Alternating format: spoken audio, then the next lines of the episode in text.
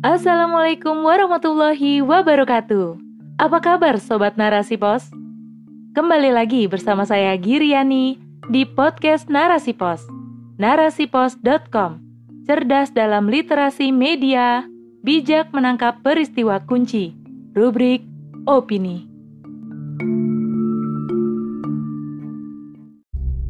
Pasar gelap organ manusia meluas di kancah internasional oleh Fitria Zakiatul Fauziah CH.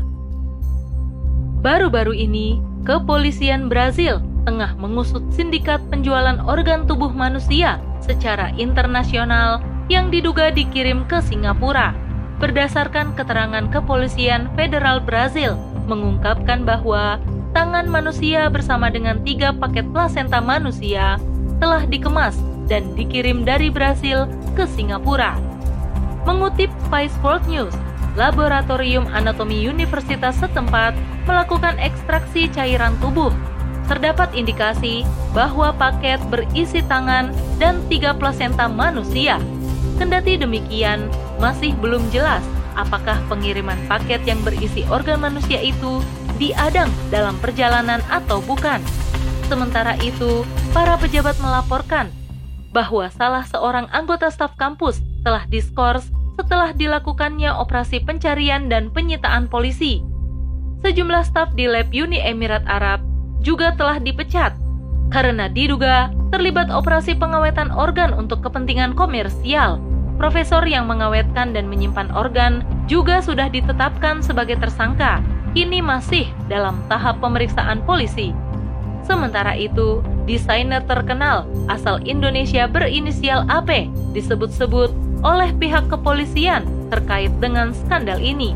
Ia diduga telah memesan paket organ manusia dari Brasil. Miris, satu kata yang menggambarkan kondisi tersebut. Ini bukanlah kasus pertama, namun hanya sedikit dari kasus yang naik ke permukaan.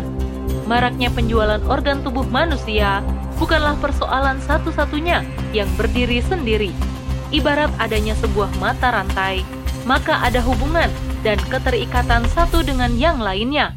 Selama permintaan masih ada, maka penjualan akan tetap ada pula. Begitupun, selama belum terpenuhinya kebutuhan ekonomi atau ladang bisnis seseorang, maka menawarkan organ tubuh bisa menjadi jalan mulus untuk meraih keuntungan. Terlebih tuntutan zaman kapitalis semua yang meraih keuntungan cepat akan tumbuh subur di masyarakat. Perdagangan organ dinyatakan sebagai tindakan ilegal dan pelakunya diancam sanksi. Namun faktanya tidak membuat masyarakat berhenti menjadikan hal itu sebagai solusi. Di sisi lain, jual beli organ tubuh menjadi ladang bisnis yang menggiurkan bagi para sindikat yang terlibat di dalamnya. Fenomena ini jelas muncul dan diperparah dengan penerapan sistem ekonomi kapitalisme yang berlandaskan manfaat dan keuntungan demi komersialisasi. Semakin instan jalan yang dilewati untuk meraih materi sebanyak mungkin, maka semakin langgeng pula jalan tersebut. Apalagi di level pemerintahan, tidak ada bentuk tanggung jawab dan lemahnya pengawasan kepolisian serta bea cukai dalam menghentikan tindakan ilegal ini. Berbeda dengan Islam, Islam sangat memuliakan dan menjaga nyawa manusia. Oleh karenanya, Islam menempatkan tanggung jawab yang besar pada negara dalam mengurusi rakyat.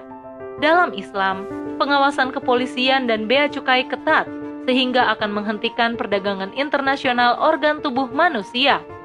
Dalam tinjauan fikih, memang benar adanya kebolehan untuk menjual organ tubuh pada saat masih hidup yang dilakukan oleh pemilik organ selama bukan pada objek-objek vital yang dapat menyebabkan kematian.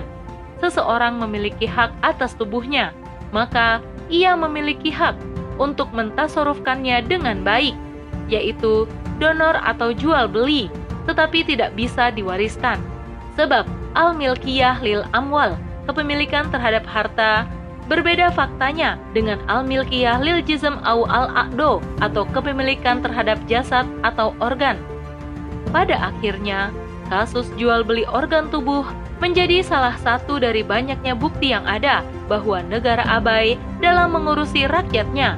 Meskipun demikian, kemungkinan kecil hal tersebut menjadi pilihan yang diambil, apalagi menjadi bisnis, karena negara Islam akan membina masyarakat dengan hukum-hukum Islam agar masyarakat sadar dan memahami akan hukum. Selain itu, sistem sanksi dan peradilan Islam juga turut memberikan efek jera yang mampu meminimalisasi peluang terjadinya fenomena serupa. Wallahu a'lam bishawab.